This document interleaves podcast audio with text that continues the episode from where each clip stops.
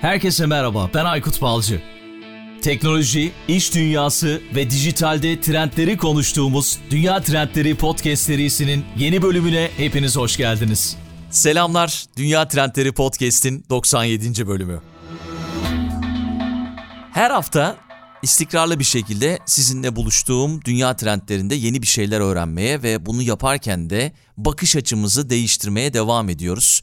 Çok güzel insanlar tanıyoruz, onlarla tanışıyoruz. Arka planda da eminim ki yine çok güzel insanlardan oluşan ve bizi dinleyen bir topluluk oluşturuyoruz. Her hafta yüzlerce kişi bizi takip ediyor ve takip edenlerin de çok fazla katkısı olduğunu düşünüyorum. O yüzden katkısı olan herkese podcast'in bu yeni bölümünün başında bir kez daha teşekkür etmek istiyorum. Şimdi bu bölümde blockchain'i anlamaya çalışacağız. Daha doğrusu geçtiğimiz yıl blockchain ile ilgili yayınlar yapmıştık. Bu yılda blockchain ile ilgili yayınlar yaptık ama zaman zaman böyle yine bilgilerimizi tazeliyoruz. Gelecekte çünkü birçok farklı sektörde karşımıza çıkacak, çıkmaya devam ediyor. Bir o kadar da aslında çıkmayacağı konusunda, yok olup gideceği konusunda da fikirler var. İşte biz biraz bunu konuştuk, bunu anlamaya çalıştık. Biliyorsunuz blockchain deyince aklımıza aklımıza ilk olarak Bitcoin, kripto paralar geliyor. Ama bunun dışında da çok daha fazla sektörde çok daha fazla işe imza atıyor, karşımıza çıkıyor. Açıkçası son gelişmeler nelerdi ben onları merak ediyordum ve konuğum da bunu çok güzel bir şekilde bana ve sizlere anlattı. Dünyanın en hafif blok zinciri olarak bilinen Mina ve kullanım büyümesine rağmen sabit boyutta kalabilen bir protokol. Böyle bir özelliği var. Bu ağın kripto parası Mina. İşte bu Mina protokolünü geliştiren Owen Labs'in San Francisco'da yaşayan şu anda CEO'su Emre Tekişarp konuğum oldu. Güzel bir bölüme imza attık. Emre'yi tanımış olmaktan gayet mutluyum, keyifliyim. Çok güzel bilgiler verdi. Eminim siz de çok çok iyi bir şekilde yararlanacaksınız. Peki her zaman olduğu gibi sosyal medya üzerinden bizi takibi alabilirsiniz. Ekşi Sözlük üzerinden ya da Apple Podcast, Castbox gibi yerlerden bizi takip ettiğiniz hangi platform varsa Oralardan yorumlarda bulunabilirsiniz. Yorum yaparsanız daha üst sıralarda çıkıyoruz. Mesela Apple Podcast'te veya işte bir 5 yıldız verebilirsiniz. Aynı zamanda sosyal medya üzerinden de beğendiğiniz bölümleri paylaşıp ya da dinlediğiniz platformdan abone olursanız podcast yeni bölüm yayınlandığında size bildirim gelir ve yeni bölümden haberdar olma şansını yakalayabilirsiniz. Tabii YouTube sayfamız var. Orayı da lütfen o kanalı da takip edin. Oradan da dinleyebilirsiniz. Takip ederseniz abone olursanız da çok çok seviniriz. Bir de de tabii ki son olarak katkılarınız var bizim için. Podcast'i büyütmeye çalışıyoruz. Bir takım tabii ki giderlerimiz oluyor. O giderlerimizin desteği de sizin sayenizde sağlanıyor. Onun için de bir Patreon hesabı var. Buradan bir tane bir kahve, aylık bir kahve olarak bize bir geri dönüş yapsanız bile mutlu oluyoruz. Patreon hesabımızda da abonelik modellerinden herhangi birini seçip abone olabilirsiniz. Şimdiden desteğiniz için hepinize çok çok teşekkür ediyorum. Peki çok konuştum. Yeni bölüme, 97. bölüme başlıyoruz. Konuğum şu anda Amerika Birleşik Devletleri'nde San Francisco'da Mina protokolü üzerine çalışmalar yürüten O1 Labs'in CEO'su Emre Tekişalp şu anda karşımda. Emre hoş geldin, selamlar. Hoş bulduk Aykut, çok teşekkürler. Yoğun bir tempon var. Birçok da organizasyona katılıyorsun, takip ediyorum seni. Bize de vakit ayırdığın için çok sağ ol, teşekkür ederim. Başta söyleyeyim bunu. Estağfurullah, benim, ben, ben çok sevindim. Davetin için çok teşekkürler tekrar. Rica ediyorum. Biraz seni tanıyalım istersen. Intel'de çalıştığını biliyorum. Onun dışında dünyanın önemli kripto para borsalarından biri Coinbase'te çalıştığını biliyorum ve şimdi de başka heyecanlar Mina protokolü onun üzerine çalışmalar yürütüyorsun. Belki biraz kariyerinden çok kısa bahsedersin ondan sonra da sorularımı sorarım sana. Tabii ki. Evet bahsettiğim gibi kariyerime Intel'de başlamıştım İstanbul'da. Akabinde iki sene çalıştıktan sonra Amerika'ya Intel'de yine geçip orada bir iki sene daha ürün müdürlüğü yaptım. Ardından kripto işlerine biraz dalmaya başladım. Yıl 2015 sanırsam yüksek lisansa başlıyordum aynı zamanda. Kısa bir süre Ripple'da çalıştım. Ee, belki dinleyenler bilir o da ilk blockchain'lerden bir tanesi. Evet Ripple ee, ardından evet yok o çok kısa bir süreydi. O yüzden hani bir de çok erken bir zamandaydı ama daha sonra da yüksek lisanstan mezun olurken mezun olduktan sonra Coinbase'e katıldım. Coinbase senin de dediğin gibi dünyadaki ilk ve en büyük kripto para borsalarından, bankalarından yani çeşitli farklı iş faaliyetleri var bir sürü farklı alanda. O yüzden borsa olarak bilinse de aslında çok daha geniş bir yelpazeye sahip. Çalışmaya başladım iş geliştirme ekibinde. Ben daha girdiğimde 2017 yılı bu 100 kişi civarıydık. Hani tam startup değil belki ama startuptan hallice gibiydi. Ama iki sene içerisinde orada iki sene kaldım. Hızlıca böyle bir bin kişiye çıktı. Bir anda böyle çok hani büyük bir şirket haline de geldi. Enteresan bir maceraydı. İşte 2017 başlarında katıldım. Tam işte birkaç ay sonra Krypton ilk bu hype e, dönemleri oldu. İşte ilk başta bir anda hani her dünyanın her yerinden insan ilgilenmeye başladı. Sonra bir anda ilgi gitti vesaire. Hani şirket böyle bir şirkette tabii enteresan dalgalanmalar oluyor. Ama hani benim Coinbase'te kriptoya olan zaten ilgim bakiydi ama hani orada öğrendiklerim ve neler yapılabilir, ben nelere daha çok ilgi duyuyorum bu biraz daha iyi anladıktan sonra işin aslında hani en temel teknolojisine ve bir e, platform oluşturmaya daha çok ilgi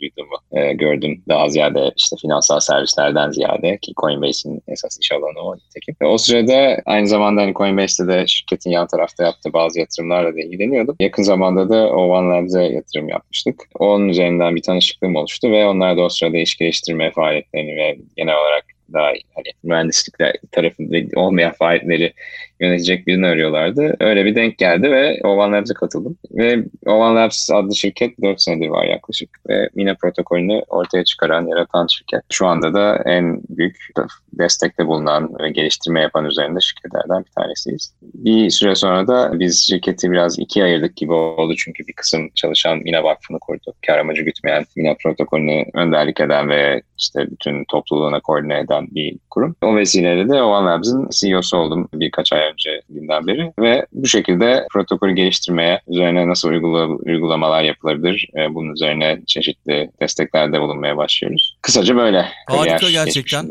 Süper. Yani bir yandan da tabii takip ediyorum seni. Türkiye'ye de çok fazla destek oluyorsun. Blockchain konusunda böyle bir farkındalık yaratmak için herkese anlatıyorsun. Organizasyonlarda bir oluşumlar da var galiba yanılmıyorsam. Böyle bir oluşum da yapmıştınız yanılmıyorsam. Yani çok başarılı gerçekten tebrik ediyorum seni. Biz geçtiğimiz yıl tabii sizin kadar böyle 2015'ler falan oralarda yakalayamadığımız için blockchain teknolojisini daha yeni yeni podcast'te blockchain'den bahsettik ama orada daha böyle basit anlamda yani ne olduğundan belki sokaktaki insanın anlayabileceği bir şekilde anlattık. Sonrasında senin de çok yakından tanıdığın sevgili Can Coinbase'te çalışıyor şu anda ve bizim de buluşmamızı sağladı bu arada Can Çolakoğlu. Ona da çok teşekkür ediyorum bir kez daha. Onunla kripto parayla ilgili bir yayın yaptık. İşte NFT ile ilgili bir yayın yaptık. Ama böyle genel anlamda blockchain'i en iyi şekilde anlatacak olan kişilerden biri de sensin. Hani kripto para tarafını biliyorsun. Blockchain denince akla kripto para geliyor ama sadece kripto para değil.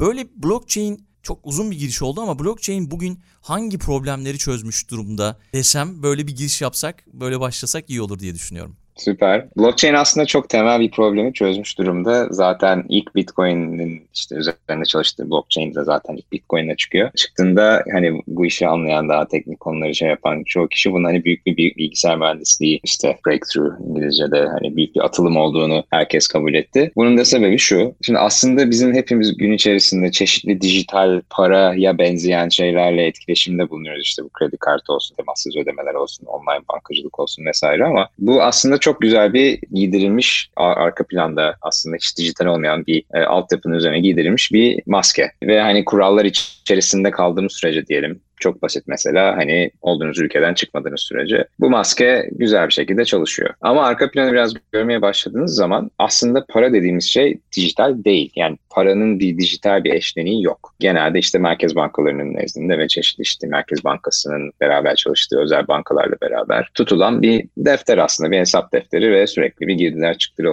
oluyor ve veyahut da çeşitli zamanlarda gerçekten fiziksel olarak bir yerlerde duruyor eşleniği ve hani günümüzü aslında hiç ayak uydurmayan hiç günümüzün her şeyin dijital olduğu dünyada çok geride kalmış bir sistem. Ben de aslında bunu ilk bahsettiğim gibi az önce Intel'de Amerika'da çalışırken öğrenme tecrübesine sahip oldum. Ödeme sistemleri üzerine bir ürün geliştiriyorduk ve hani o zaman hala beynimde bir şema var işte kredi kartı ödemelerin aslında nasıl sonuçlandırdığıyla ilgili böyle 10 tane kurum var hepsi birbirine işte aracı kurumlar bilmem ne falan işte şuradan şuraya gidiyor para vesaire vesaire hepsinden onay alınması gerekiyor bir ürün çıkaracaksanız. Yani hani girip bugün herhangi bir siteye anında üye olabilir ulaşılabiliyorken herhangi bir dünyanın herhangi bir yeri, herhangi bir bilgisayarına paranın bu kadar çok zor olması bana da çok saçma gelmişti. Tekim Satoshi Nakamoto başta olmak üzere başka bir sürü insana da saçma gelmiş. Evet. Ee, ve bu sorun blockchain ile beraber çözülüyor. Ama şimdi senin de dediğin gibi aslında sadece para değil bu. Çünkü para dediğimiz şey aslında hani paranın tanımı günlük hayatta kullandığımız alışverişler için, alver için bir değeri olan bir unit of account denen yani bir hesap birimi.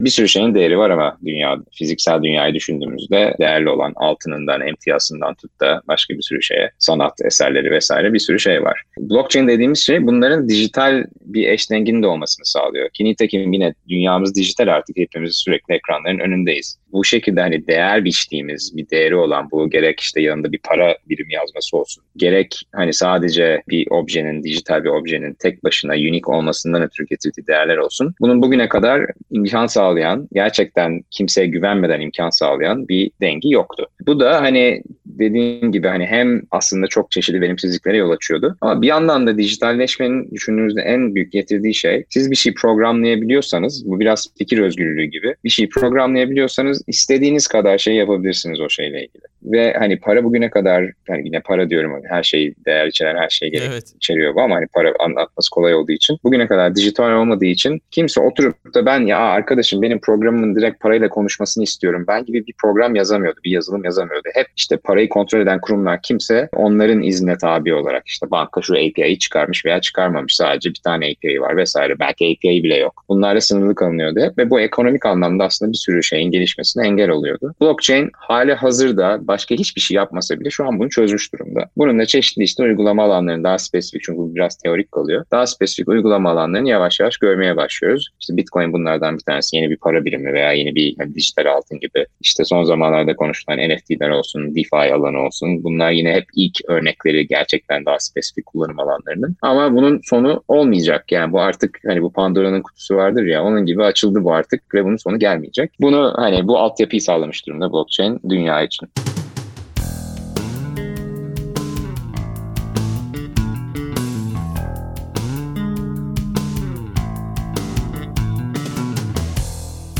Dijital para, dijital kimlik, dijital varlıklar yeni dünyanın en önemli değerlerinden biri. Gerçekten de böyle. Önümüzdeki yıllarda artık hayatımızın vazgeçilmez bir parçası olacak. Peki şunu sorsam sana blockchain hangi problemi çözme potansiyeline sahip?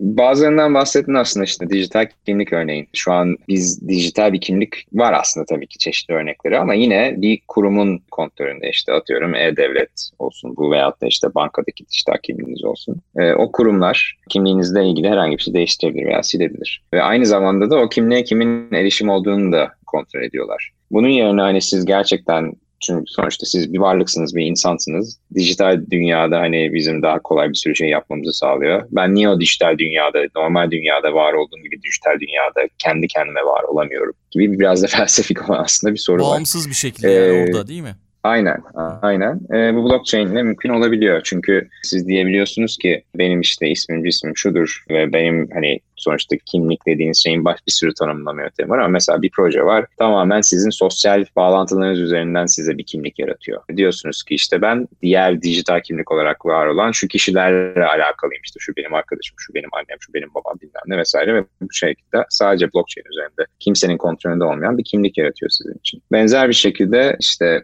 bu son zamanlarda popülerleşen DeFi veya Decentralized Finance, merkeziyetsiz finans konusu var. Şimdiden bir sürü şey mümkün kılmaya başladı ama Hani siz dünyanın herhangi bir yerinden herhangi bir başka bir kişiden borç alabiliyorsunuz veya borç verebiliyorsunuz. Veya doğrudan e, çeşitli başka finansal servislere erişim sağlayabiliyorsunuz. Bu yine eskiden veya günümüzde hatta siz hani bir ülkedeyseniz sadece o ülkedeki size sunulan imkanlarla ilgilisiniz. Özellikle küçük bir ülkedeyseniz bu çok küçük kalıyor tabii ki bu imkanlar. Dünyaya açılmanız zorlaşıyor. Fakat bu sayede işte ister Afrika'da olun, ister Amerika'da, ister Güney Amerika'da, Asya'da, Türkiye'de başka herhangi bir ülkeden çeşitli finansal servislere erişim sağlayabiliyorsunuz. Bu çok iyi bir şey. Ee, tabii tabii yani dünyadaki hani en büyük bu aslında şimdi biraz farklı bir konuya hemen değineceğim ama Covid'in en büyük belki de göreceğiz tabii ama uzun vadede umarız ki aslında pozitif etkilerinden bir tanesi. Özellikle işte Silikon Vadisi, San Francisco civarlarında, başka yerlerde tabii Türkiye'de de duyuyorum. Bir sürü şirketin tamamen uzaktan çalışmaya geçmiş olması. Hatta nitekim bizim şirketimiz de o şekilde artık. Hani artık bir ofis olabilir çeşitli yerlerde ama ofise gitme zorunluluğu yok. Bu ne yapıyor? Coğrafi piyango denen, hani siz Hindistan'da mı doğdunuz? Oradan çıkamadığın sürece oranın şeylerine mahkumsun yani hani oradaki imkanları. Bunu ortadan kaldırmış oluyor. Çünkü neden? Eğer kişi gerçekten çok hırslıysa, çok çalışıyorsa, çok iyi bir potansiyele sahipse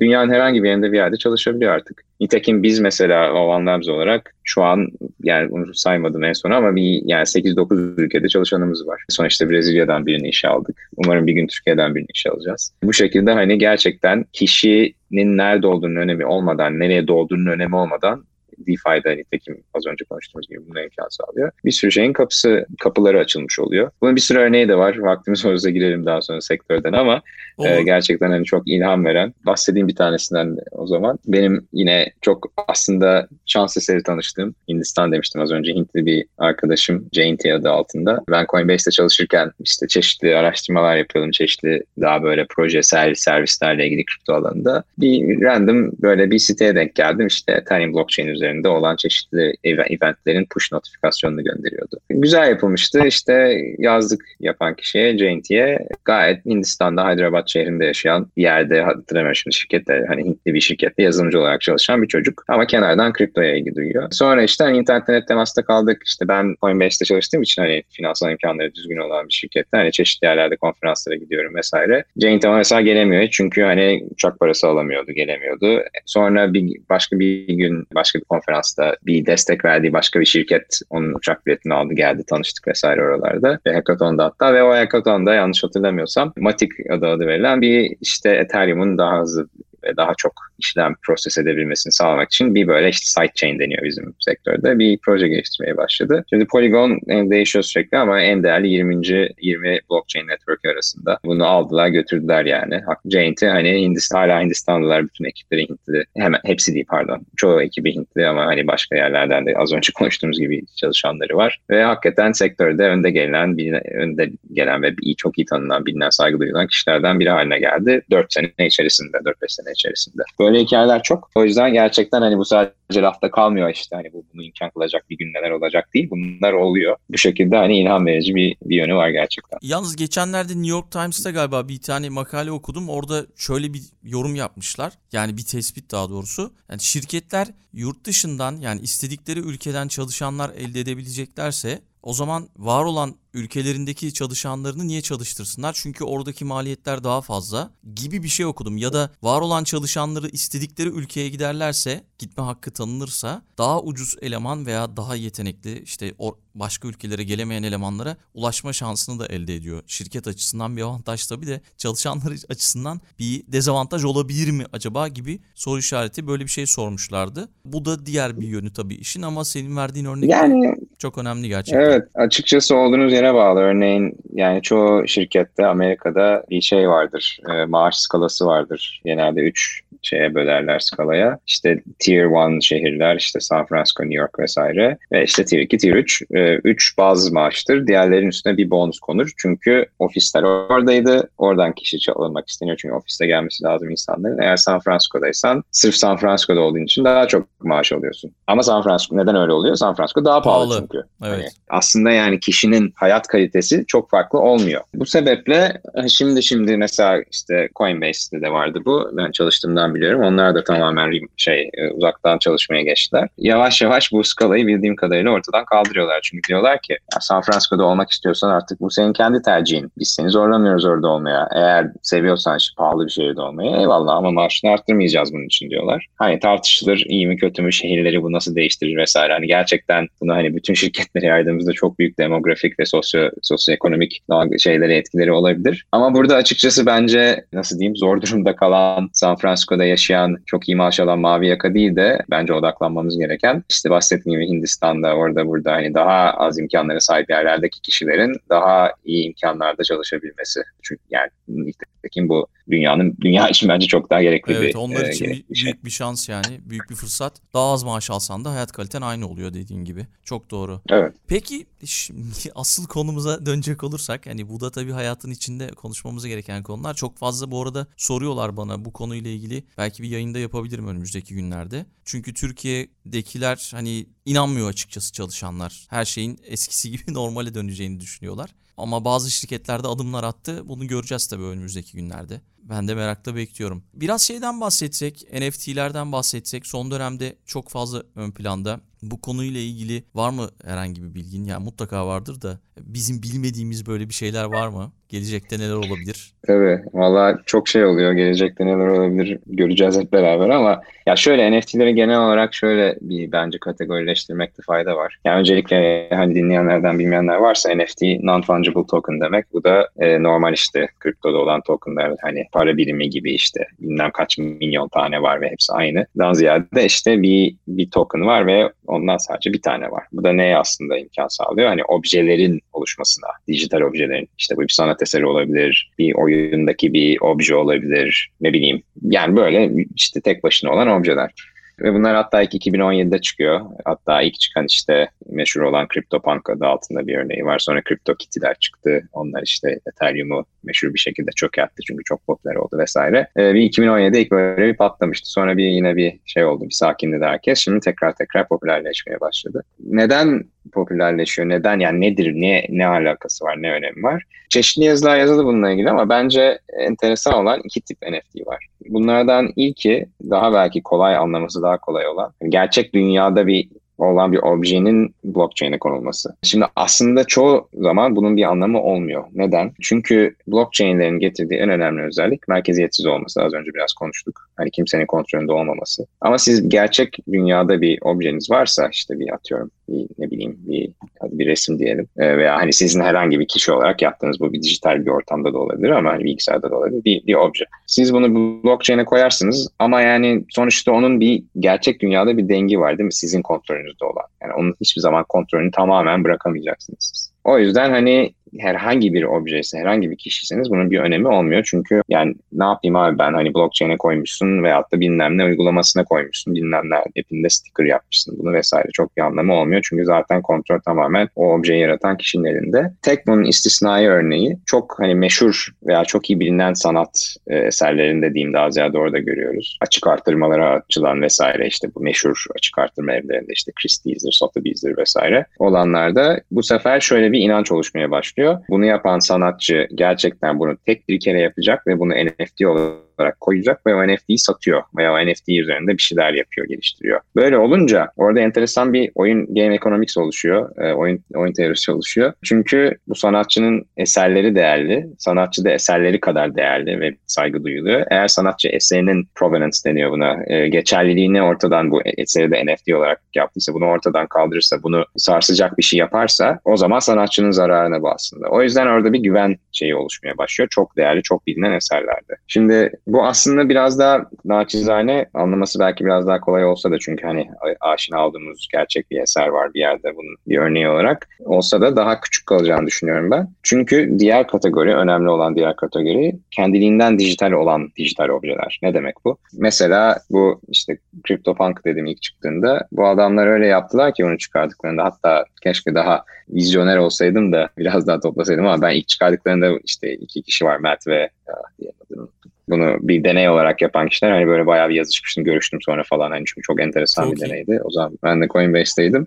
Şöyle yapıyorlar işte bu CryptoPunk'lar 10 bin tane böyle çok basit avatar şeklinde e, karakterler ve işte rastgele bir şekilde yapılan çeşitli özellikleri var. Kimin şapkası var, kimin sakalı var, kimin bilmem nesi var. Bunu ama algoritmik bir şekilde yapıyorlar. Yani bir tane bilgisayar kodu yazıyorlar. Bilgisayar kodunun kendisini de blockchain üzerine koyuyorlar. Akabinde o bilgisayar kodu geliştiriyor blockchain üzerinde bunu. Böyle olunca o obje blockchain dışında hiçbir yerde var olmamış oluyor. Yani az önce ver, verdiğimiz örneğin aksine hani blockchain dışında gerçek dünyada bir örneği var onu blockchain'de konuluyor. Bu obje zaten blockchain üzerinde var. Yani blockchain bu objeyi var etmiş. Böyle olunca o gerçekten tamamıyla dijital bir obje ve dünyamızda yine konuştuğumuz gibi artık her şey dijital olduğu için o objeyle bir sürü şeyler yapmaya başlıyor insanlar. Çok uç bir örneğini vereceğim bunun. Birkaç hafta, ay oldu mu bilmiyorum önce bir proje çıktı. E, Loot diye. Loot şey oyunlarda böyle top toplanan şeyler, objeler olur dinleyenler. Silah olur, yani. başka bir şey olur. Aynen, aynen. Birisi şey çıkardı yine tamamen deney olarak. NFT'ler bastı 10 bin tane yine. Bu da bir 10 bin şey oluştu. Ee, ve NFT sadece şey siyah bir kutu. Üzerinde hatırlamıyorum 10 tane objenin şeyi var yazısı var. Yani siyah bir arka plan üzerine işte 10 objenin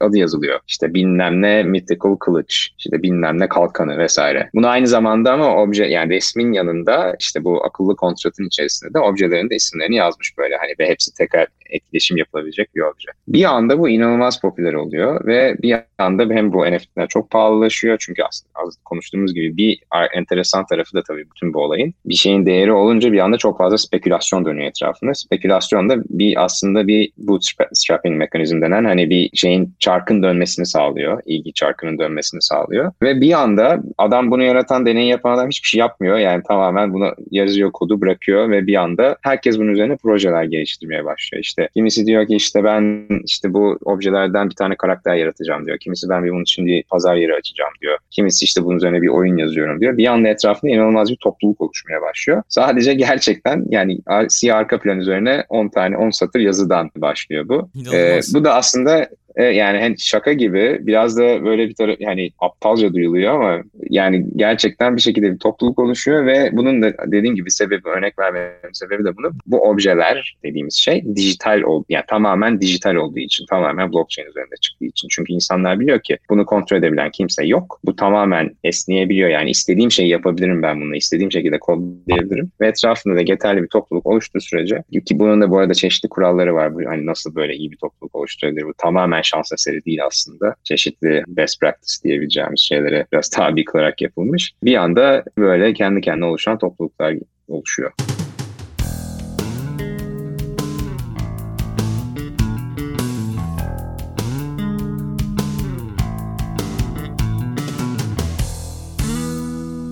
Harika. Peki şeyden bahsetsek biraz. Bu arada tabii e, blockchain'in bir başka yararlı yönlerinden biri bu sanatçılar artık her yerden eserlerini buluşturabiliyorlar sanatseverlerle. Yine yanılmıyorsam NFT ile ilgili yayın yaptığımızda mesela Mardin'den bir sanatçı normal köyünden yetenekli bir sanatçı NFT'lerini satıyormuş yani ve bunun gibi yüzlerce binlerce örnek vardır. Nerede olduğunun bir önemi yok. Ama senin anlattığın örnekler de çok enteresan gerçekten. Orada da farklı bir şey bekliyoruz yani öyle düşünüyorum. Bir de tabii şey var. Şu örneği verdin hani NFT'leri satın alan sanatseverler gerçeğini de istiyorlarmış. Yani gerçeği de yanımda olsun. Bazıları gerçekten istiyormuş. Yani şey tam olarak NFT'nin ne olduğunu anlayamadıkları için belki de ben gerçek eseri de istiyorum diyormuş ama NFT'si de dursun. İşte orada değer kavramı ortaya çıkıyor. O tabii şeye kalmış artık. Sanatçıya kalmış. Ya orada biraz şöyle enteresan bir aslında konu var. Eğer hani 5 yıl, 10 yıl, 20 yıl filmi ileri saralım. Eğer bir sanatın sahipliğini kanıtlayan şey NFT olabilirse aslında NFT'yi aldığınızda beraber aldığınız zamanla beraber sanatın ya kendisi o noktada artık NFT olmuş oluyor ama sanatın duvarınıza asabileceğiniz bir baskısını almak, o an almak çok önemli değil. Çünkü şöyle şeyler olabilir. Çeşitli işte matbaalar olabilir, sanat matbaaları ve diyebilir ki ben bu baskının sadece NFT'sine sahip olanın için basacağım diyebilir. Evet. Mesela bir örneği bunun, iki örneğini vereceğim hatta. Bir tanesi biliyordur artık herkes. Yani Refik Anadolu tanıdık, çok gurur duyduğumuz Türk bir sanatçı. O da artık NFT'lerini çıkarmaya başladı kendi sanat eserlerinin. Ve diyor ki ve beraberinde aslında sanat eserinin bir baskısını da satıyor. Hepsi için değil de bazıları için. Ama diyor ki yanlış hatırlamıyorsam bunu eğer kaybederseniz işte belli bir çeşitli kurallar çerçevesinde o NFT'ye hala sahipseniz tekrar baskısını biz sağlayacağız bunu size. Hani stüdyo olarak. Çünkü kendi stüdyosu var bunun baskısını yapan. Bu bir örneği. Bir diğer örneği örneği daha da enteresanı Twitter şey çıkaracağını duyurdu. İşte bu yine şey olmaya başladı insanlar kendiliğinden. Bu işte çeşitli NFT'lerini işte profile picture NFT'ler deniyor PFP, CryptoPunk gibi vesaire. Ben de yaptım hatta işte kendi avatar resimleri olarak koyuyorlar. Nedenin önemi yok öyle yapıyorlar. Ama hani insan bunu şey yapabiliyor, yapabilir sonuçta ne bileyim kendisinin olmayan bir NFT'yi koyabilir. Twitter'da şöyle bir şey çıkarıyor. Blockchain'e bakarak eğer siz bir NFT'ye sahip olduğunuzu Twitter'a kanıtlayabiliyorsanız çünkü sonuçta o adrese sahipsiniz. Twitter işte sizin avatarınızın yanına küçük bir böyle bir checkmark gibi bir şey koyacak. E, bu da aslında hani az önceki baskı örneğinin dijital bir işleniği değil mi? Sonuçta hani Twitter orada bir platforma sahip ve diyor ki ben sadece bu NFT'ye sahip olanların bu NFT'ye sahip olduğunu kanıtlayan bir şey koyacağım diyor. Peki şeyden bahsetsek biraz stable paralardan bahsetsek. Bunlar da aslında yani biraz NFT'ye benziyor. Neden? Çünkü bahsettik işte hani az önce değil mi? Hani bazen çeşitli kişiler gel, yani blockchain'de olmayan sanatlarını blockchain'e koyuyorlar ve bunun bir NFT'si oluyor ve işte bu değer kazanıyor. Çünkü diyor ki yaratan sanatçı ben sadece bunu buraya NFT olarak koyacağım. Başka da yapmayacağıma söz veriyorum. Stabil paralarının çoğunun diyelim. Çoğu da buna benziyor. Diyor ki bir kurum, bir finansal kurum. Ben benim kasamda duran dolarların dolarları blockchain'e koyacağım bir eşleniği, bir token olarak. Ve başka bir yere koymayacağım ve bunu denk tutacağım kasamda ne kadar dolar varsa veya işte Türk lirası varsa her neyse. Aynı miktar çıkaracağım diyor. Buna da insanlar güvenince o tokenların bir değeri oluşmuş oluyor, bir kullanım amacı oluşmuş oluyor, bir kullanım alanı oluşmuş oluyor. İşte örnek olarak en büyük Tether var. E, ikinci en büyük USDC ki nitekim Coinbase'deyken benim ettiğim veya içinde bulunduğum bir projeydi. Bunlar şöyle bir avantajı var. Aslında az önce konuştuğumuz ilk konuşmanın başında ben niye bu alana ilk duymaya, ilgi duymaya başladım çünkü fark ettim ki para dijital değil gerçekten istediğiniz şeyi yapamıyorsunuz. Bunun normal alıştığımız günlük hayatta kullandığımız para bilimlerine uygulanmasını sağlıyor. Yani stabil paralar sayesinde artık blockchain üzerinde uygulama geliştirenler bir dolarla, bir Türk lirasıyla, bir euro ile istedikleri şekilde programlama yapabiliyorlar hale geldiler. Stabil para da bunu sağlıyor. O yüzden çok önemli. Gerçekten bir anda hani insanların kullanımını çok kolaylaştırmış bir şey. Bunun da bir sebebi de aslında hani biraz sektörün şeye uyanması.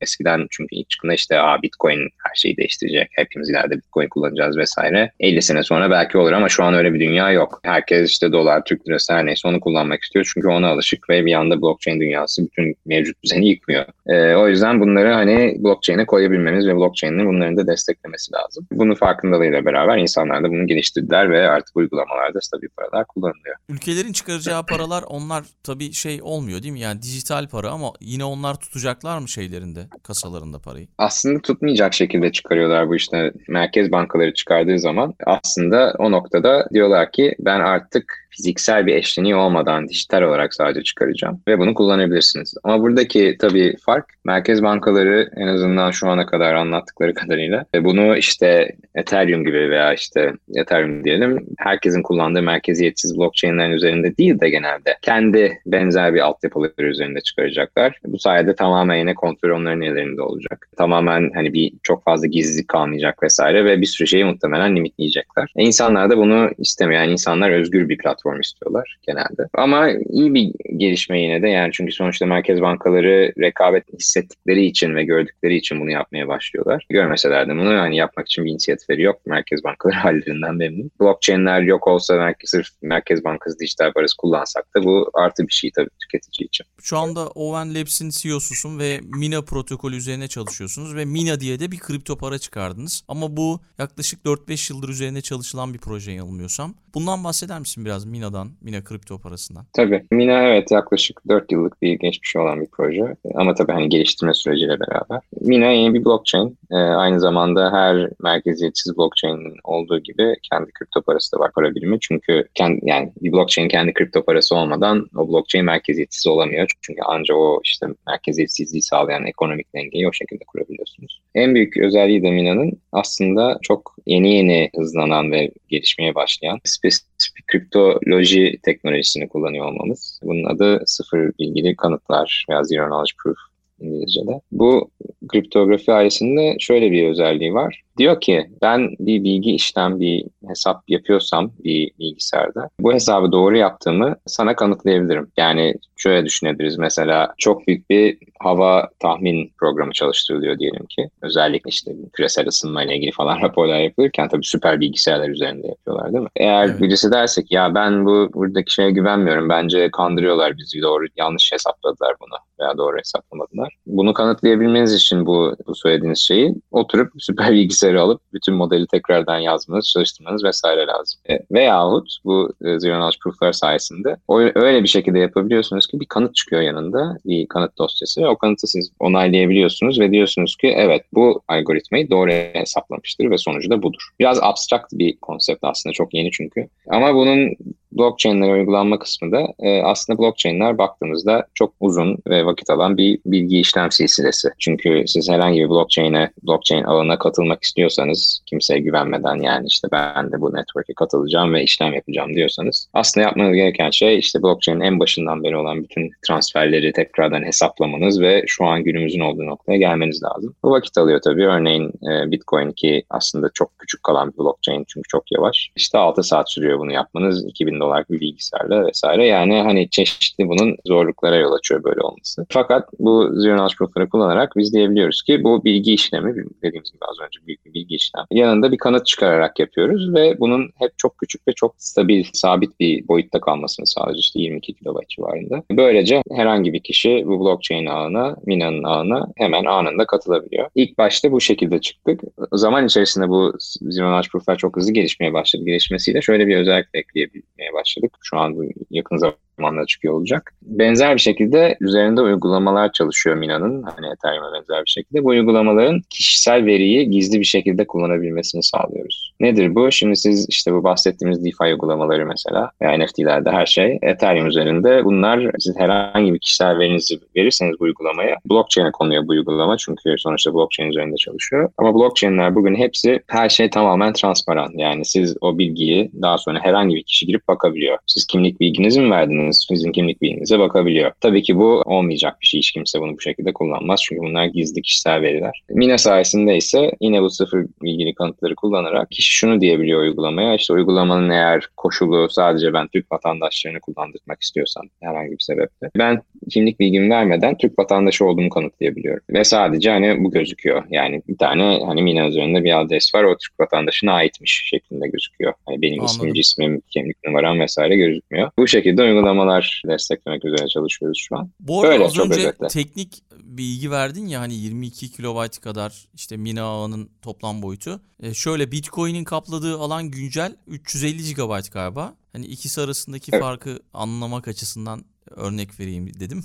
E, bir yerde Yok iyi yaptın ve aynen ve büyüyor. Ethereum mesela birkaç terabayt. Bunların hepsi büyüyor. Zaten bu yüzden de bu gerçekten merkeziyetsiz olmaya çalışan blockchain'ler genelde yavaş kalıyorlar. Çünkü daha hızlanmaya çalışırlarsa daha da hızlı büyüyecek. O yüzden onu kısıtlı tutuyorlar. Bunu çözmek için tabii başka çeşitli öneriler ve yöntemler de insanlar deniyorlar. Ama bizim yaptığımız şey de bu, bu kanıt teknolojisini kullanarak diyoruz ki hep aynı küçük minnacık boyutta tutabiliriz blockchain'i. Kanıt teknolojisi dedin belki buradan şeyi sorabilirim kriptografinin yerini sorabilirim blockchain teknolojilerinde. Belki bundan bahsedebiliriz. Çok önemli. Yani kriptografi olmadan blockchain'i hani unut. Modern internet hiçbiri olmazdı. Sebebi de ee, yani kriptografi dediğimiz şey aslında genelde çeşitli matematiksel ve istatistiksel kuramlar kullanarak bir internet dijital alanda paylaşılan bir bilginin geçerliliğinin kanıtlanması gibi çok şu an muhtemelen yanlış bir tanım yaptım ama benim aklımda öyle en azından. Nedir bu örneğin? İşte mesela siz herhangi bir internet sitesine girdiniz değil mi? Tarayıcınızda genelde köşede bir böyle bir kilit işareti çıkar. Bu ne diyor? Siz işte o siteyle olan iletişim iletişiminizi, paylaştığınız bilgileri işte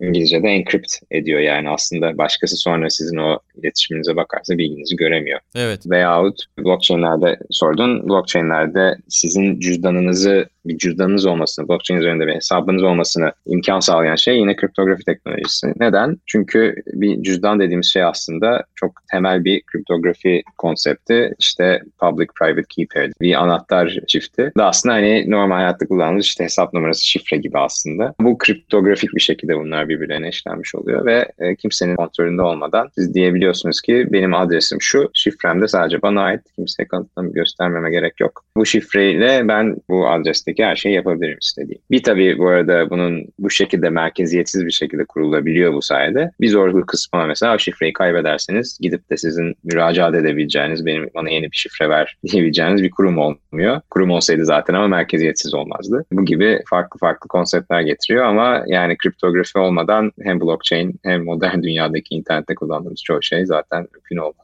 Doğru. Peki yavaş yavaş sona geldik. Aklıma şey geldi. Böyle tuhaf sorular geliyor mu acaba sana? Çok fazla katılıyorsun konferanslara, işte seminerlere ya da e-mail yoluyla yazanlar oluyor mu? Yatırım tavsiyesi soruyorlar mı acaba? Magazinsel bir soru oldu ama. Çok. Ben de cevaplamıyorum. Çünkü her şeye geçtim. Ben çok kötü bir yatırımcıyım bu sektörde.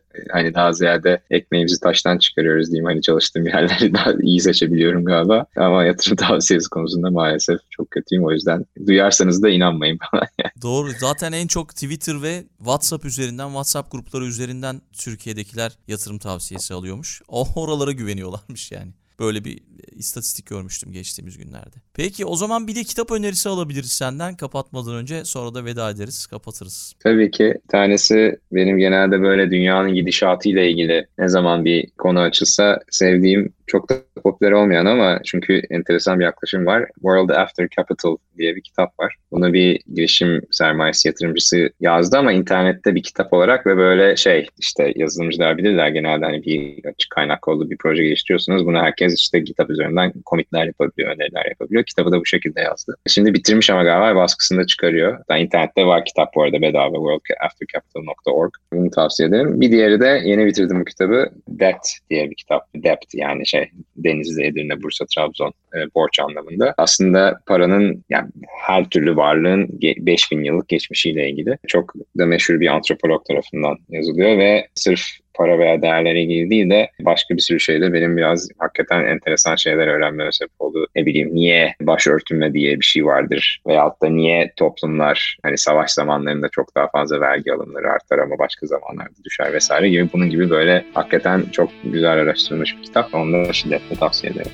Bunu da ekledik o zaman yani bu kitapları da ekledik kütüphanemize. Çok çok teşekkür ediyorum Emre. San Francisco'ya selamlar. Çok güzel bir yayın oldu. Herkes umarım yararlanacaktır diye düşünüyorum. Ben çok teşekkür ederim Aykut. Çok selamlar. Çok sağ ol bu yayını yaptığın için. Dünya Trendleri Podcast serisinin bu bölümünün sonuna geldik. www.dünyatrendleri.com Twitter'da @dünyatrendleri, Instagram'da dünya.trendleri adreslerinden Dünya Trendleri Podcast'i takip edebilirsiniz.